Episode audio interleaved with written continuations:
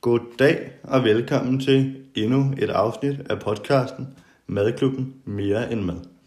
I dag så har jeg simpelthen fået øh, fornemt besøg i studiet, skulle jeg til at sige. Vi sidder i min stue, men af Norma.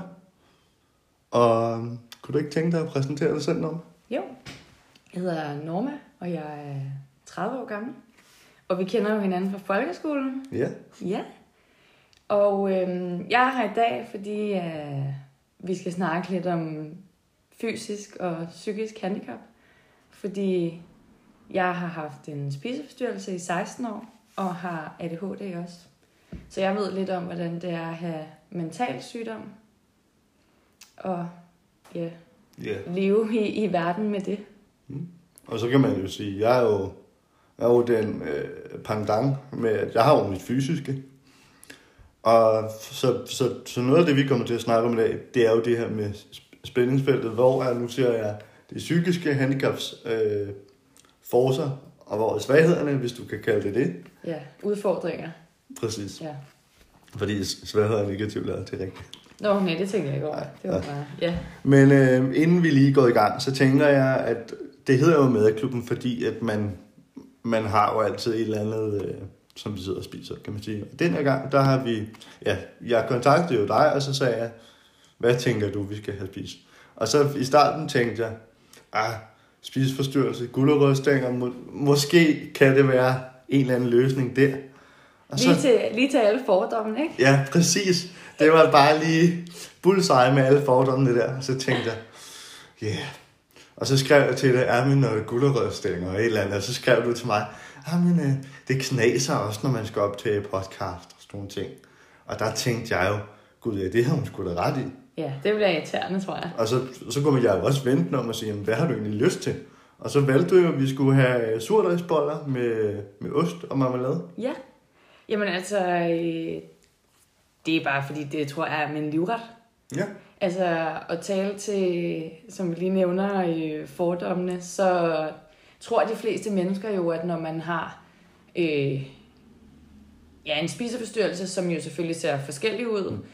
men hvis man har, nu har jeg været indlagt med anoreksi øh, de sidste par år, så kan man ikke lide mad, så vil man slet ikke have mad.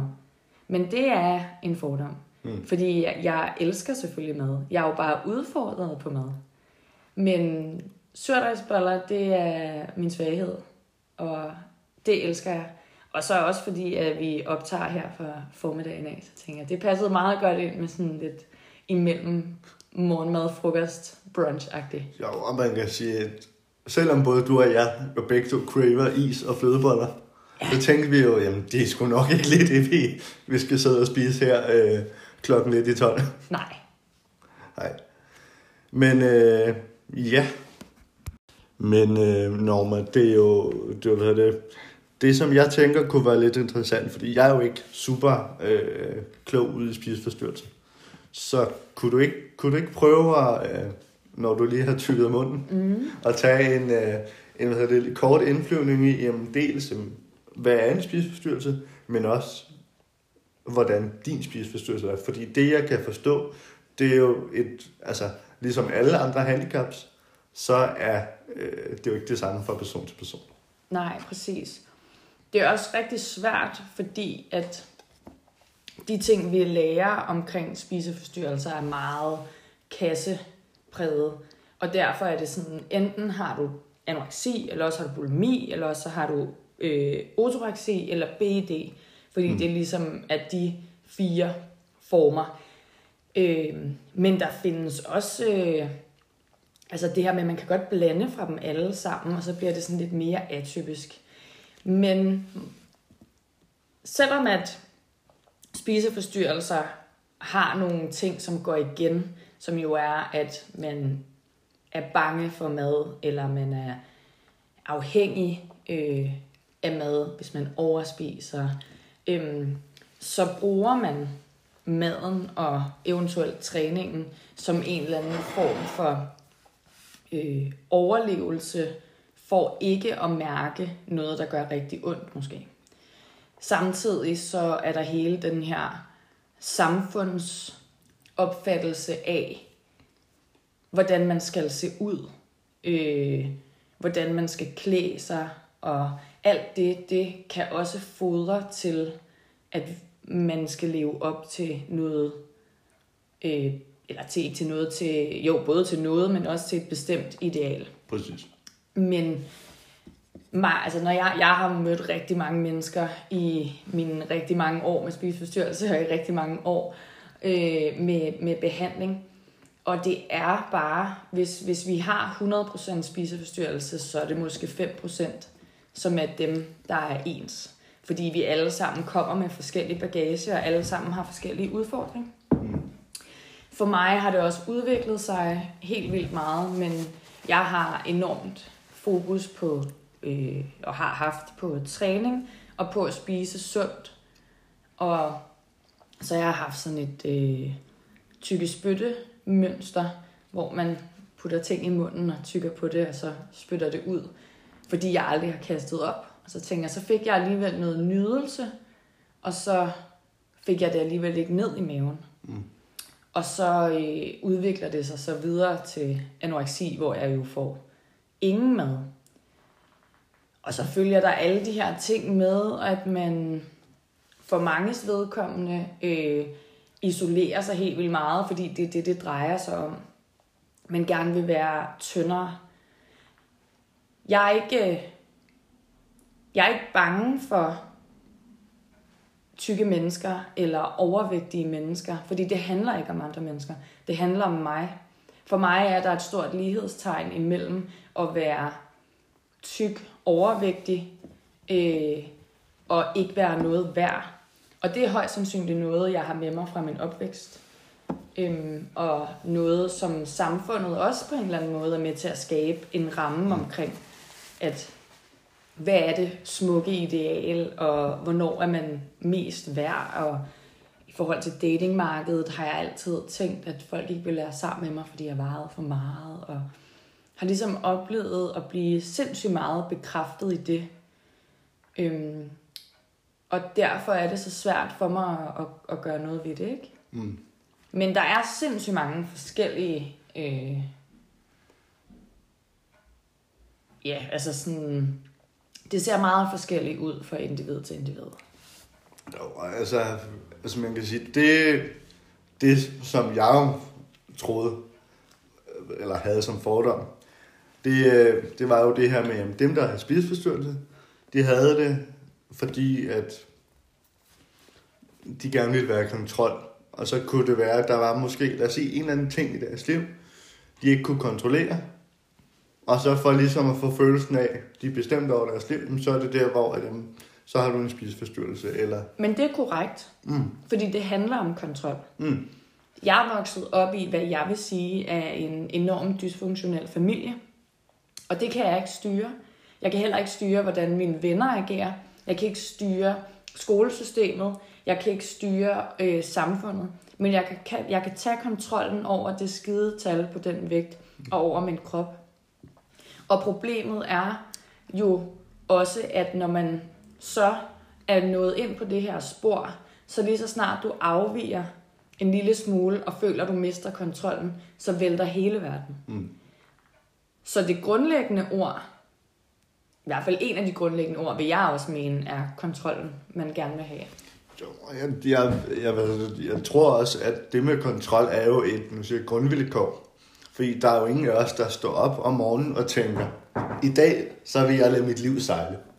Mm-hmm. Fordi, altså, vi, vi ved, at alle ved jo, at okay, jeg har brug for den kontrol, der hedder, jamen, jeg skal måske på arbejde klokken 8, og så ved jeg, så arbejder jeg frem til klokken 16, og så tager jeg hjem derefter, og så har jeg den kontrol, der hedder, altså, så skal jeg med aftensmad eller et eller andet. Fordi hvis, hvis, hvis det ikke var sådan, at man havde nogen former for kontrol, det, det, kan, det kan godt være, at det ville være fedt de første par dage, men jeg tror, man ville nu cirka kede sig i, øh, i længden, ikke? og tænke, at det her det er faktisk ikke et, et fedt liv at være øh, at have. Og det har været også der, hvor at også der er vokset op i, i øh, familier, som mere eller mindre har haft nogle, nogle strejf af dysfunktionalitet. Altså, det kan jo også bare være enormt svært med den her med, okay, jeg havde ikke, øh, jeg kunne ikke ligesom styre det. Altså, jeg har jo min øh, mor, hun trækker jo. Og der troede jeg jo også, da jeg var lille, at jeg kan styre det. Jeg kan redde min mor. Jeg kan, jeg kan hjælpe hende. Men efter jeg er blevet voksen og begyndt at gå i øh, terapi, øh, terapi og alle de her ting, der har jeg jo fundet ud af, at jeg kan ikke, og jeg skal ikke. Men det jeg til gengæld kan gøre, det er, at jeg kan styre, hvor meget det skal påvirke mit liv. Det er så dels, jamen, altså jeg, jeg ved for eksempel, at nogle gange så, efter et bestemt klokkeslæt, så har jeg egentlig ikke lyst til at ringe til min mor, fordi så er det der, hvor de gange, jeg har snakket med hende hyppigt, så har hun været, så har hun været beruset. Ja. Men, men, men jeg, jeg, jeg, jeg, jeg synes, det er, det er rigtig, rigtig interessant lige at få den her korte indflyvning i, jamen, altså dels, hvad er en spiseforstyrrelse, så jeg også kan få afkræftet nogle af de fordomme, jeg har siddet med, men, men også i lige så høj grad, øh, hvad er en spiseforstyrrelse for dig? Fordi at jeg spurgte dig jo også, øh, hvad er det egentlig, du godt kunne tænke dig, vi skulle snakke om?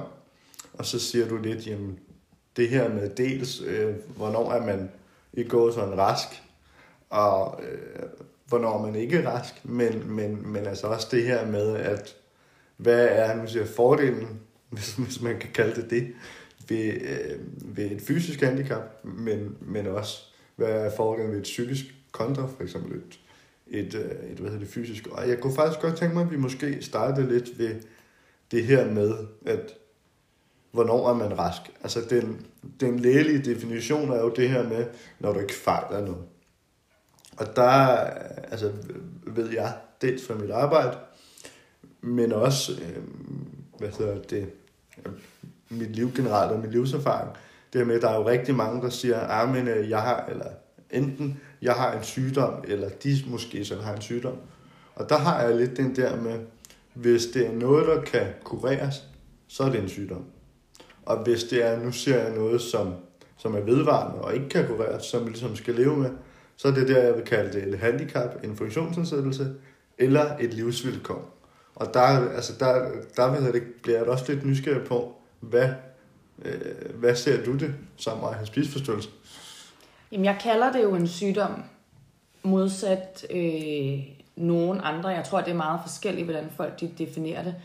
Men det er også fordi, jeg tror, at der er forskel på at have øh, en spiseforstyrrelse, fordi man har nogle sådan snærter af forskellige ting øh, i løbet af ens liv, men det er ikke det, som er dominerende for dit liv eller din hverdag. Og så er der sådan en som mig, som kalder det for sygdom, fordi det er så øh, invaliderende for mit liv, at det, det gør, at jeg er enormt udfordret på at kunne leve, måske som andre på min alder, de gør. Mm. Og så er der det her med, grunden til, at jeg gerne vil kalde det en sygdom, det er også, fordi fordommen er, at det er et valg, jeg tager hver dag. At jeg gerne vil være syg, eller jeg gerne vil have en spiseforstyrrelse. Kan jeg ikke bare spise? Kan jeg ikke bare gøre? Kan jeg ikke bare? Kan jeg ikke bare?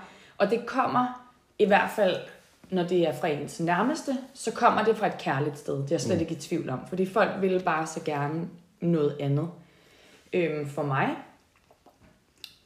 Men det er ikke noget, jeg vælger, fordi det er min hjerne, der har et sygeligt tankespor, som jeg ikke selv bestemmer over.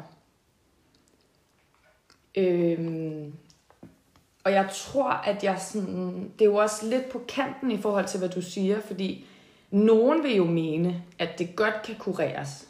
Eller kureres. Mm. Vi snakkede også om, inden vi optog det her med sådan, du tror, jeg tror, spiseforstyrrelse, øh, sygdomsdefineret eller ej, mm. er noget, man har med sig hele sit liv, højst sandsynligt. Det vil sige, hvis man definerer sig selv som ude af det, som rask eller kureret, så har man stadig nogle tanker, man så bare ikke lader sig påvirke af, fordi man måske har været i det i mange år. Der er også nogen, som prøver, øh, ligesom jeg selv gør, at finde en balance i det, fordi jeg et eller andet sted inde i mig selv øh, ikke vil slippe det. Øh, og det er jo ikke Det er jo ikke, fordi jeg ikke vil, det er, fordi jeg ikke kan. Og der er det, jeg sådan, det er sygdommen, som måske bliver et livsvilkår for mig. Og skal jeg så ikke arbejde på at se de små succeser i stedet for at finde mulighederne i de begrænsninger, jeg har? Så det er meget forskelligt. Jeg synes, den ligger lidt på vippen, hvor man kan sige, øh, du har et handicap, som er et livsvilkår for dig. Mm. Måske har jeg en spiseforstyrrelse, som er et livsvilkår for mig. For jeg kæmper jo hele tiden. Og man kan sige, at jeg har jo kæmpet ekstra meget det sidste, øhm, de sidste par år om, øh, ved indlæggelse og blevet meget klogere på mig selv og på spiseforstyrrelsen og på mine tankemønstre og hvad det kommer af og hvad det kommer fra. Øhm, og, og hvorfor at det er svært for mig at komme ud af eller altså sådan rykke. Men jeg er også, jeg har virkelig udviklet mig meget i det og vil højst sandsynligt se, se lidt bedre på de succeser, jeg har med mig, på trods af, at jeg stadig kæmper enormt meget, så er der små succeser. Mm. Men hvis jeg hele tiden skal måle mig med noget, så føler jeg hele tiden, at jeg har fejlet i forhold til samfundets definition af rask. Mm. Men vi definerer det nok alle sammen forskelligt, og det er jo det, der kan være svært. Mm, og, og man kan sige, noget, noget af det, vi jo også snakkede om, var jo det her med, at, øhm, at uanset hvilken, øh, altså, altså det her med, når, når noget er et livsvilkår, at, at man på, på en eller anden måde lærer at leve med det, at, at det i starten kan, nu siger jeg, være rigtig tungt for ens skulder, mm-hmm. og så lærer man jo at kunne sige, okay, du er enten noget, som, som jeg har midlertidigt, eller noget, som er nødt til at være her. Og så er jeg nødt til at få nogle coping-strategier, som gør, at, at, at du måske ikke vejer lige så meget på mine skuldre. Ikke? Ja. Men når, når du snakker fordomme, så bliver jeg faktisk også lidt nysgerrig på øh, de fordomme, som du ofte møder, eller i hvert fald tænker, ej, det var en sjov fordom, jeg har mødt. Har du, har du nogle eksempler på det? Når jeg fortæller folk nu, efter jeg har været indlagt og taget 20 kilo på, og fortæller, at jeg kæmper med anoreksi, så siger rigtig mange, så tynd er du da ikke. Og det er fordi, at vores fordom omkring, hvordan spiseforstyrrelser mm. er, det er, hvis du er anoreksi, så er du så tynd, at du næsten ikke kan stå på dine ben. Hvis, hvis du har BED overspisninger, så skal du bare tage dig sammen. Øh, og hvis du har bulimi, så, så kaster du op. Mm. Og det er jo meget mere end det. Øh, og så er det meget det her med, jeg synes den største fordom, det er, at jeg bare skal tage mig sammen. Det er, at det er, at jeg har følelsen af, at folk tror, det er noget, jeg vælger. Øhm, og der er jo også det her med, når man så, hvis man så tager ud og spiser med nogen, så er det sådan, uh, tror du ikke, du skal tage burgeren, fordi du har jo kæmpet med en spiseforstyrrelse, eller du har jo en spiseforstyrrelse, hvor at jeg så vil sige, men i det mindste er jeg med ude, så selvom at jeg tager et i deres øjne, altså, eller objektivt set spiseforstyrret valg ved at vælge salaten, så vil jeg nok før i tiden have valgt slet ikke at tage med. Så jeg er sådan, jamen det er svært at, at sådan også komme i tanke om at sådan definere, hvad, hvad fordommene er. Men alle mennesker har en idé om, hvad en spiseforstyrrelse er. Og alle mennesker har en idé om, eller alle, man kan selvfølgelig ikke generalisere på den måde, men de fleste mennesker har en idé om, at det er, det er en kamp, du skal nok komme ud på den anden side. Men har jeg så allerede fejlet, hvis jeg stadig skal kæmpe med det resten af mit liv og finde balancen i det? Og jeg tror også det her med, at ja, hvad kan man sige? Øhm, nu tabte jeg lige tråden et øjeblik. Det er helt i orden. Men, men og så, så, så prøver jeg at samle dem op, kan man sige. men det, det, det synes jeg jo, at nu ser sindssygt spændende, fordi det her med, at, at, at du snakker om, at jamen, så fortæller du folk, at du har taget de her 20 kilo på. Det, som du bliver mødt med, det er den her, ej, det, altså, det, det kan jo ikke, altså, det vil, i, i min optik ville det jo svare til at gå hen til en overvægtig person og sige, tror du ikke, du skal lade være med at have den der is? Det har du vist ikke godt af. Fordi man, man ved det kan jo sige, øjnene, vi kan kun se noget, og så netop så har vi de her kassetænkninger. Fordi at man kan sige, når man møder en, en, en tyk person, så, så ved vi jo reelt ikke, medmindre vi har ligget uden en busk med en kikkert eller et eller andet, om personen er i gang med at tabe sig, eller altså du ved, hvad der er bagvedliggende årsag. Så, eller personen har en spiseforstyrrelse. Eller ikke præcis. har lyst til at tabe sig. Præcis, altså. Og, og, og det er jo det her med, at jeg synes, at samfundet gør så meget for, at vi skal passe ind i samfundets kasser i forhold til, hvad er normen, og hvad er, nu siger jeg, øh, det rigtige. Altså, det, det, kunne, det kunne for eksempel også være det her med den øh, salat, som du tager, når du er ude at spise. Hvem er det, der definerer, at okay, per definition, så ved vi jo, at alle med spiseforstyrrelse, de går bare efter salaten. Hvorfor siger man ikke, ej, men fordi du tager salat, det er reelt, fordi du har lyst. Fordi netop som du siger, du kunne jo også bare have undladt det og så sagt, prøv at høre, jeg gider ikke sidde i den situation, men jeg har reelt lyst til at være sammen med mine venner. Men jeg har også lyst til mad. Og men det... derfor går man jo efter noget, som bliver safety måske, mm. hvor man så kan, altså sådan, fordi det er ikke nødvendigvis salaten, jeg har lyst til. Det Nej. kunne godt være, at jeg mm. havde lyst til en sandwich eller en burger. Ja. Men jeg ved også bare, at jeg stadig er et sted, hvor at jeg kan risikere at få angst eller få det rigtig dårligt mm. med det. Mm. Og det synes jeg ikke, at det er værd, hvis jeg gerne vil have en hyggelig aften, eftermiddag, et eller andet med mine venner eller veninder. Ja. Og og det, det ved jeg, det giver jo altså, fint nok mening, fordi at netop man laver de her kokingsradier, det er jo ligesom, når jeg tager på date for eksempel. Ja. Jeg har jo heller aldrig sådan, ej, men jeg bestiller øh, burger med det samme, eller sparrows, eller noget, selvom jeg egentlig tænker, åh, det har jeg mega meget lyst til. Fordi øh, når jeg spiser burger, jeg hader burger, det er det mest kedelige i hele verden, fordi jeg synes, når man, når man, når man skal, skal, enten skal øh, bide i den, altså jeg bruger jo en hånd, og det er sådan noget, de fleste burger og en hånd, det er ikke designet sammen. Det fungerer ikke så godt. Nej. Og så kan man godt spise med kniv og gaffel, men så er det altid et eller andet, så mangler man en af ingredienserne. Sådan et, nej, jeg har bestilt den her burger med syltet rødløg, men jeg har fået alt andet end syltet rødløg på den her bid. Eller altså når man er på date og tænker, ej, jeg skal spise et eller andet, som ikke sviner, fordi man gider ikke have noget hængende i skægget, eller et eller andet, ej, hvordan. Men det, det, jeg synes bare, det er enormt vigtigt, at vi også netop, som du og jeg gør ved at lave den her podcast, er med til at gøre op med de her fordomme. Det er også derfor, at jeg blandt andet er krokimodel, hvor at der er jo rigtig mange, der siger, at Frederik, du ligner ikke Adonis. Nej, det gør jeg ikke. Jeg ligner ikke Cristiano Ronaldo. Men til gengæld, så viser jeg, at det er helt i orden at kunne se ud på den måde, man nu gør det. Ja.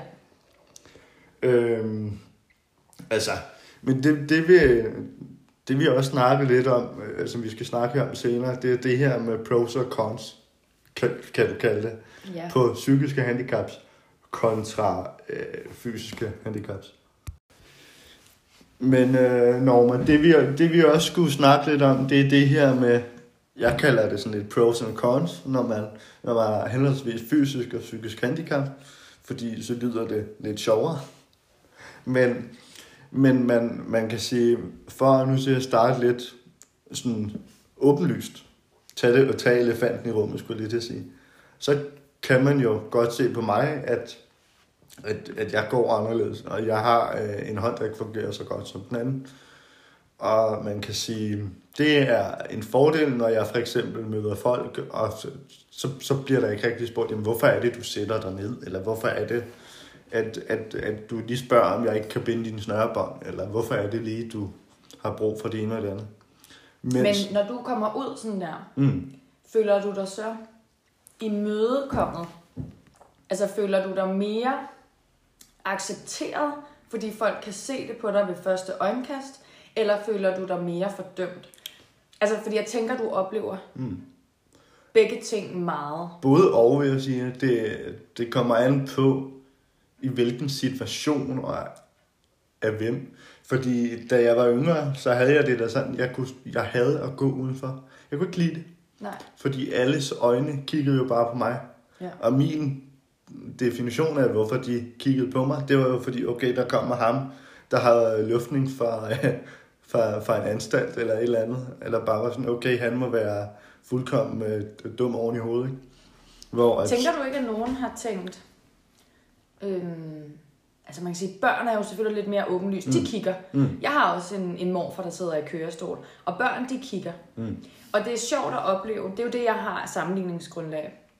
Det er sjovt at opleve, når børn så siger, hvad er det der?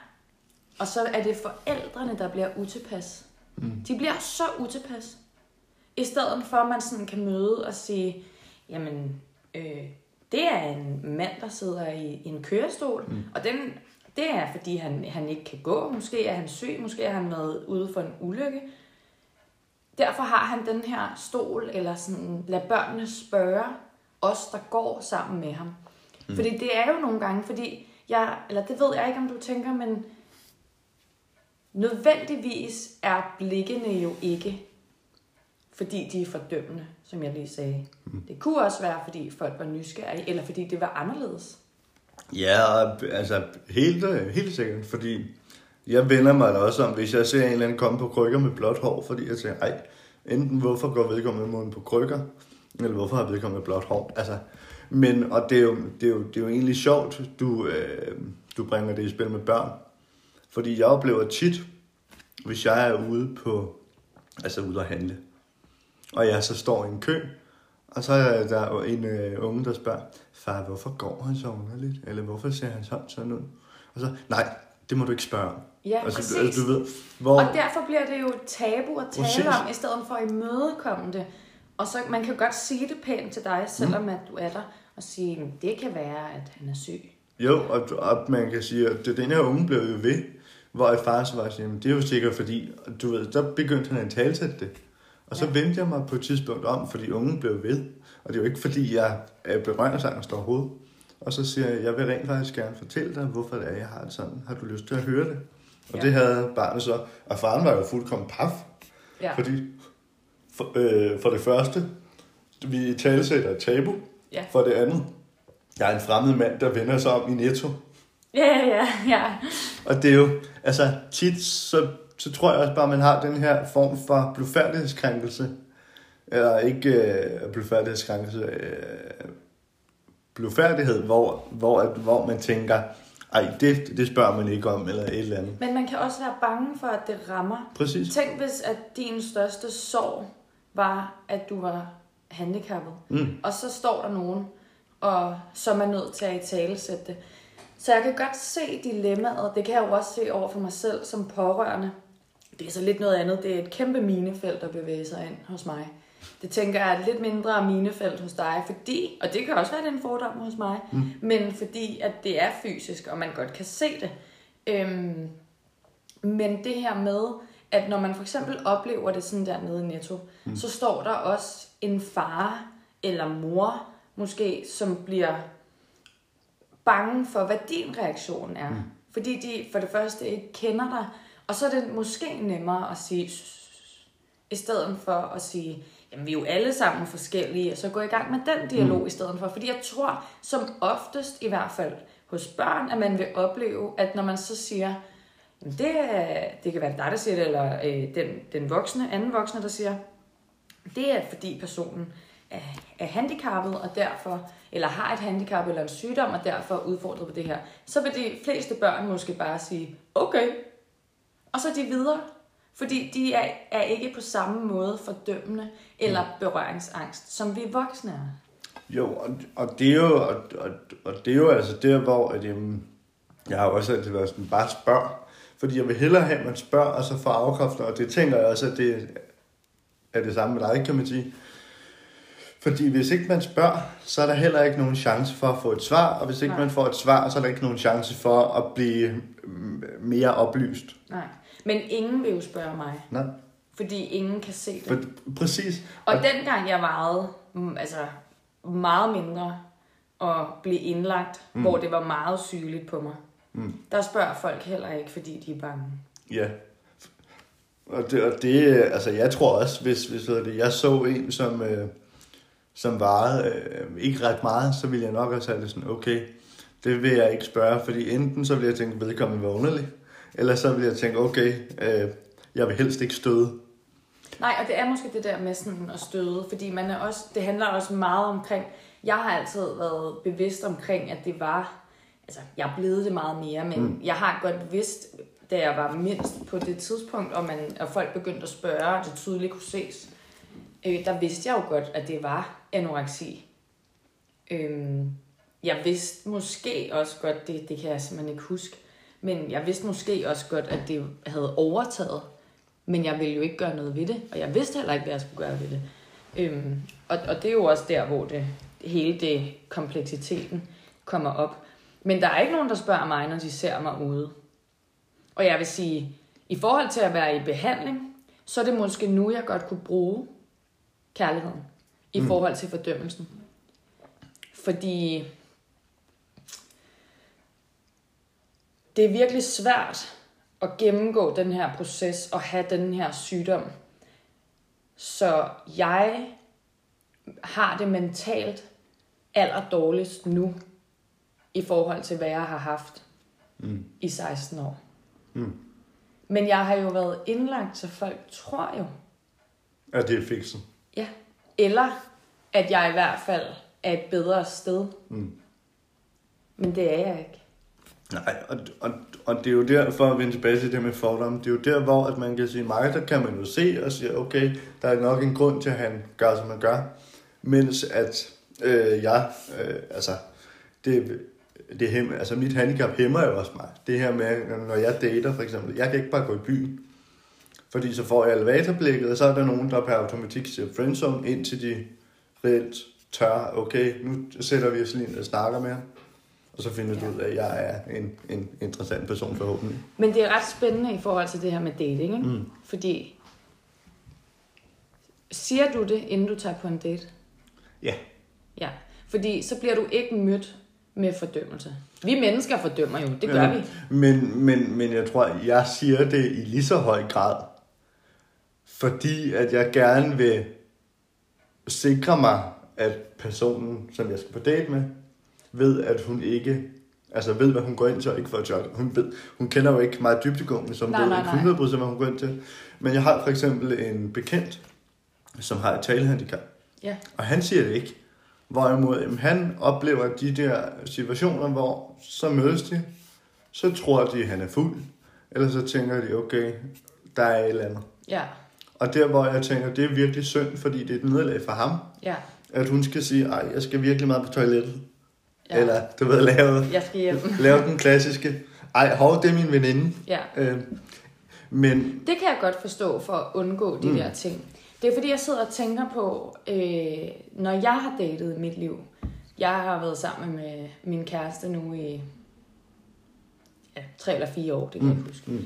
Øhm, jeg tænker også, da vi mødte hinanden, det der med, at jeg var jo nødt til at være ærlig næsten fra starten af, så han kunne pakke sin taske og smutte inden da. At det så har udviklet sig faktisk, sygdommen til at blive en del værre, det havde jeg jo heller ikke kunne sige, øh, vil ske, eller forudse, eller noget mm. som helst. Men jeg jo, altså i hvert fald, hvis jeg har datet nogen, eller øhm, øh, altså været på, været på enkel, enkel dates, mm. så kan jeg jo bare lyve omkring, at jeg har en udfordring, en sygdom. Men hvor længe skal jeg holde den løgn, og hvor længe kan jeg leve med det i skjul? For det kan man jo ikke. Nej. Og det er jo, og det er jo hvad det også der, hvor jeg, altså, min fordom er jo, nu snakkede vi om tidligere, det her med en pro ved måske psykisk handicap kunne være det her med, at man måske havde lettere ved at få venner, eller lettere ved at være social. Fordi man jo ikke kan se det, men, men, men man kan sige, netop som du siger, det kommer jo til at æde dig op langsomt, og så kan man sige, jamen, det kan godt være, at du ikke ser det ved første møde, men så ved du, du skal sige det, og så går du heldigvis ned til på, hvornår skal du sige det, hvornår Ja. skal du det ene eller andet. Eller også så havner man i, det er der, jeg tænker, der er rigtig stor forskel. Lige præcis i sociale relationsdannelser. Mm. Der kan det være mere, og det er jo igen, jeg ved det ikke, men det kan være mere udfordrende for dig, fordi du møder folks fordomme med det samme. Jeg kan som sagt holde det skjult så længe som muligt. Jeg kan også være ærlig omkring det. Det valg tog jeg jo, da jeg blev indlagt, at jeg skulle aldrig lyve igen omkring det. Men det gør også, at når jeg er i sociale sammenhæng og møder nye mennesker, så er jeg meget ærlig, og folk kan blive enormt overrasket over den der ærlighed. Så de sådan enten trækker sig det. Folk kan også være nysgerrige, det møder jeg selvfølgelig også. Men hvis jeg ikke fortæller det, så bruger jeg alt min energi på at være social og i, i den time eller to, og så er jeg bare smadret resten af dagen eller flere dage efter. Mm. Og det er heller ikke det værd for mig, hvis jeg skal gå og holde tilbage på, hvem jeg i virkeligheden er, eller overskride mine egne grænser. Så sådan, selvom at det kan være lettere for mig måske at begå mig socialt, så ser jeg det ikke som en fordel på den lange bane. Det er en fordel på den korte bane, eller det, jeg tror ikke, det er en fordel, det er et forkert ord. Men det kan være nemmere for mig måske. Mm. Men tænk, hvis jeg fik et job, fordi man ikke kan se det på mig, og så skulle jeg gå og lyve om det. Altså, hvor længe holder det? Præcis, og jeg, jeg, jeg tænker jo også, jamen noget af det, der kunne være svært for dig, det er jo netop det her med, at altså, når du er blevet mødt i systemet, det her med, at jamen, det er lettere at forholde sig til mig, fordi mig kan du se, hvad du får. Ja. Hvorimod dig, det, det er sådan lidt en, nu siger jeg, parkkalender. Det kan være øh, 24 parker, hvor at, jamen, den ene dag, så får du det her, og den anden dag, Ja. så får du det her. ikke? Og det er jo det, der spænder ben for mig personligt, øh, som har været hele vejen igennem. Det er, at jeg ser enormt ressourcestærk ud. Mm. Og de eneste mennesker, der reelt set ser min anoretiske, spiseforstyrrede sygdomsadfærd, det er min kæreste. Fordi selvom at jeg gerne vil vise det til omverdenen, og så selvfølgelig dem på min døgnindlæggelse og min indlæggelse, de har også set min angstanfald og min alt det her. Men min krop vil simpelthen ikke, når jeg er sammen med andre mennesker. Mm. Men jeg kan godt opleve angst ude, men så løber jeg ind i et rum, hvor jeg er alene, og så skal jeg lige være der lidt. Øh, og jeg kan også godt være ked af det foran andre, det er slet ikke det. Mm. Øhm, men jeg tror helt sikkert, du har ret i, at også i systemet, sådan en som mig, der ser sådan her ud, jeg skal kæmpe meget mere for at få den hjælp eller anerkendelse, som jeg har brug for. Og samtidig, øhm, så tror jeg, at det ret hurtigt kan blive et problem for mig selv, at jeg så bliver i tvivl om, om jeg fortjener den hjælp. Altså, er jeg egentlig syg nok? Er jeg egentlig... Øh, skal jeg have den hjælp? Fordi jeg er jo, altså, jeg er jo også hæmmet af et mentalt handicap, der er så, som sagt, invaliderende på mit liv, at jeg ikke er i stand til at have et, et studie, at jeg ikke er i stand til at have et arbejde, som tingene er lige nu. Mm. Men det skulle ikke særlig vældigt ude i samfundet. Og hvad hvis jeg i fremtiden er nødt til at finde mig et job, hvor jeg kun kan arbejde 20 timer? Er der så overhovedet nogen, der vil have mig? Selvom at jeg kan sige, at jeg er måske den bedste medarbejder, fordi jeg er den bedste, altså øh, bedste medarbejder, mm, mm. ikke øh, i mål i forhold til andre, men den bedste udgave af mig selv, de her 20 timer, der kan jeg give alt af mig selv og være den bedste udgave af mig på arbejdspladsen. Hvis du presser mig til 37, så leverer jeg kun det halve.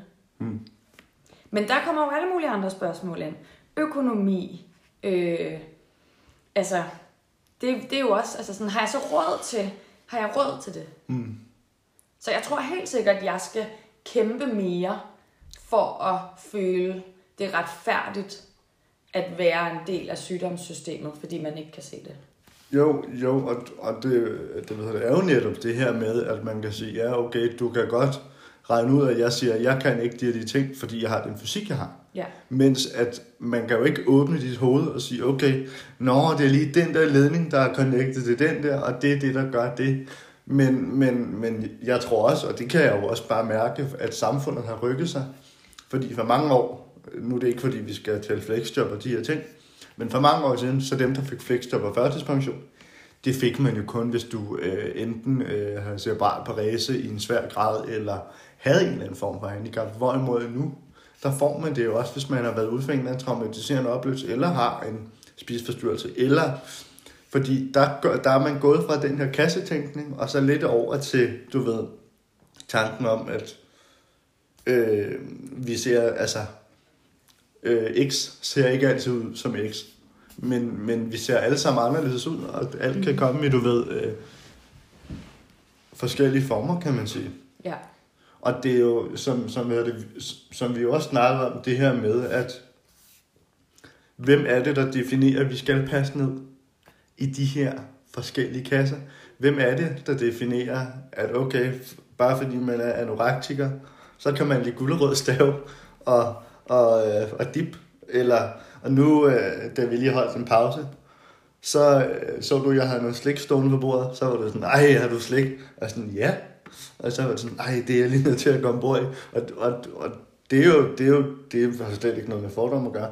Men, men, men det er jo... Ja, men fordommen ville nok være, at sådan noget rører jeg slet ikke. Måske, muligvis, ikke? Ja. Fordi at, ja, så tror jeg, at man kunne tænke, ej, fordi at du netop går så meget op i kost og sundhed. Men det gør du, altså. Og jeg tror også, vi har sammen, nu siger jeg smag i slik. Du kunne godt lide lakrids. Ja, salt lakrids. Helst så stærkt, at det næsten brænder. Mm, det, det var det smager også godt. Ja, det kan jeg virkelig godt lide. Men altså sådan, hvis jeg skal vælge, så er jeg kæmpe fan af, altså top 3, det er popcorn og is, is, isvafler Ja. og flødeboller. Mm. Er det sådan, og det er ikke fordi, vi skal blive fejnsmækkere, men er det sådan noget bare alle slags flødeboller, eller skal Nej, det være... ikke alle. Jeg vil, jeg vil helst bestemt? have, jeg vil helst have det billige, øh, eller Spangsbjerg. Det er jeg så glad for, at du siger, fordi dem der, der siger, at de skal hedde Coco Loco, øh, og så skal der komme øh, Det er fordi, jeg ikke bryder mig ud om øh, marcipanbunden. Jeg skal have den der helt tynde vaffelbund, de fleste ikke vil have. Og man kan se lige, altså, lige der, der vidste jeg, vi connected. Ja, Altså, ud, udover at vi har gået i skole sammen og sådan noget, men altså, jeg bryder mig heller ikke generelt om marcipan. Det skal bare forsvinde. ja. Men Har du egentlig været udfordret, da vi gik i folkeskole? på, øh, Altså på dit handicap? Det er fordi, jeg blev også syg, da, vi gik i, da jeg gik i 8. mm, klasse. Der har du gået i 7. eller 6. ja, Øhm, og, men, men levede jo bare videre med mit skjold og, mm. og havde det. Og jeg, jeg har haft det, kan jeg jo se, i, i, øh, i takt med alt det, jeg lærer om mig selv, og sygdom og fortid og opvækst, at jeg har oplevet ting i skolen, som har gjort rigtig ondt på mig, som har sat sine spor ind til det så udspringer i 8. klasse. Altså øh, idrætstimer og turene til skolesygeplejersken og alle de her, hvor man skulle stille sig efter vægt og opdeling og alt sådan noget. Ikke? Men, men jeg havde et, et skjold, jeg altså, tog på, og så kørte jeg 180 derud af, og så viste jeg ingen rigtig, hvor dårligt jeg havde det. altså, jeg tror, jeg tror, at ja, fordi vi havde nogle, øh, vi havde nogle gode lærere, og så havde vi nogle lærere, som bare var forstokket, kan man sige. Jeg kan huske, at jeg havde en idrætslærer, og han var sådan en, ah, men øh, nu skulle vi lave kubetest. Og jeg skulle jo være med. Og på trods af, at jeg siger til ham, jamen Søren, jeg kan ikke. Jeg kan ikke være med til kubetest. Så siger han, jamen nu skal du. Og så prøvede jeg jo. Og så fordi jeg er sådan en, mamma didn't waste a critter. Så jeg fortsætter jo bare. Det var sådan noget med, så havde jeg fravær tre dage efter.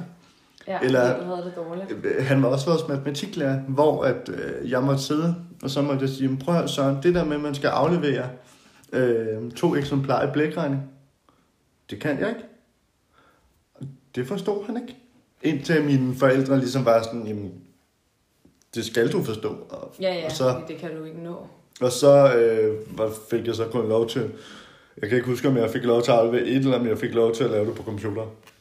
Men, men, men, og så var det også sådan i forhold til idræt, fordi når de andre skulle spille basketball, så kan jeg huske, at der blev lavet sådan en eller anden form for øh, special aftale med mig omkring, at så det, det var dengang, vi kunne øh, hallen, den øh, kunne Jeg dele sig op i to. ja. Og så var det sådan, den ene halvdel, det var dem. Som så kunne spille basketball, og den anden halvdel, det var mig og min støtte, som kunne gå og spille tennis, eller øh, badminton, eller hvad jeg nu havde lyst til. Ja. Og det er jo fedt at tænke, at jeg kan få lov til at lave alt det her selv. Ja. Men det er jo overhovedet ikke inkluderende, fordi hvad så med mine venner, ja. der lever og spiller basketball? Det, altså, ja. for mig er jeg jo ligeglad med at spille øh, badminton, eller hvad fanden de laver. Det og det er jo bare- igen tilbage til det, du siger før, med at, at vi skal alle sammen ses og høres og bare være dem, vi er. Ja. Fordi hold op, hvor kunne du have fået mange su- succesoplevelser med i bagagen også, hvis der havde været rummelighed til dig. Ikke? Præcis. Og så, så altså, jeg tror, lektien, eller pointen øh, med, hvad hedder det, det her podcastafsnit, det må, det må jo være det her med, at jamen, man skal spørge nysgerrigt, og det er, eller ikke du skal, det er okay at spørge yeah. nysgerrigt, men, men det er også okay at sige, prøv at høre, de her kasseting, at vi skal ikke alle sammen se ud på en bestemt måde, eller bare fordi, at man har en diagnose, så er det ikke ens betydende med noget. Og det der med, at ej, jeg tør ikke, det er der dit og dut, fordi så er jeg bange for, hvad tænker min nabo. Ja. Jeg har været ude for det så mange gange, det her med, at jeg tør ikke, fordi så er jeg bange for, hvad andre ting. Og det handler jo om, hvad er det? Øh, altså, du ved, det her med, det er jo dit liv, du lever. Og hvis ikke du lever dit liv, Hvem gør så? præcis. Men det er også, jeg tror, for at, at styrke den pointe, så skal man huske, at det er det individ, du sidder overfor. Fordi i forhold til min sygdom, så modsat nogle andre, vil jeg også gerne have, at folk ser mig Mm. som sygdom, fordi det er en del af mig. Jeg eksternaliserer mig ikke selv fra det, fordi det behov har jeg ikke, for så bliver det for skamfuldt at bære det med mig, og så vil jeg hele tiden føle nederlag, hvis jeg ikke kommer ud til, hvad nogen definerer som det frie liv, og det kan jeg jo selv få lov til, eller det vil jeg have lov til at definere, hvad der er et mere frit liv for mig, og som sagt væle ved de små succeser.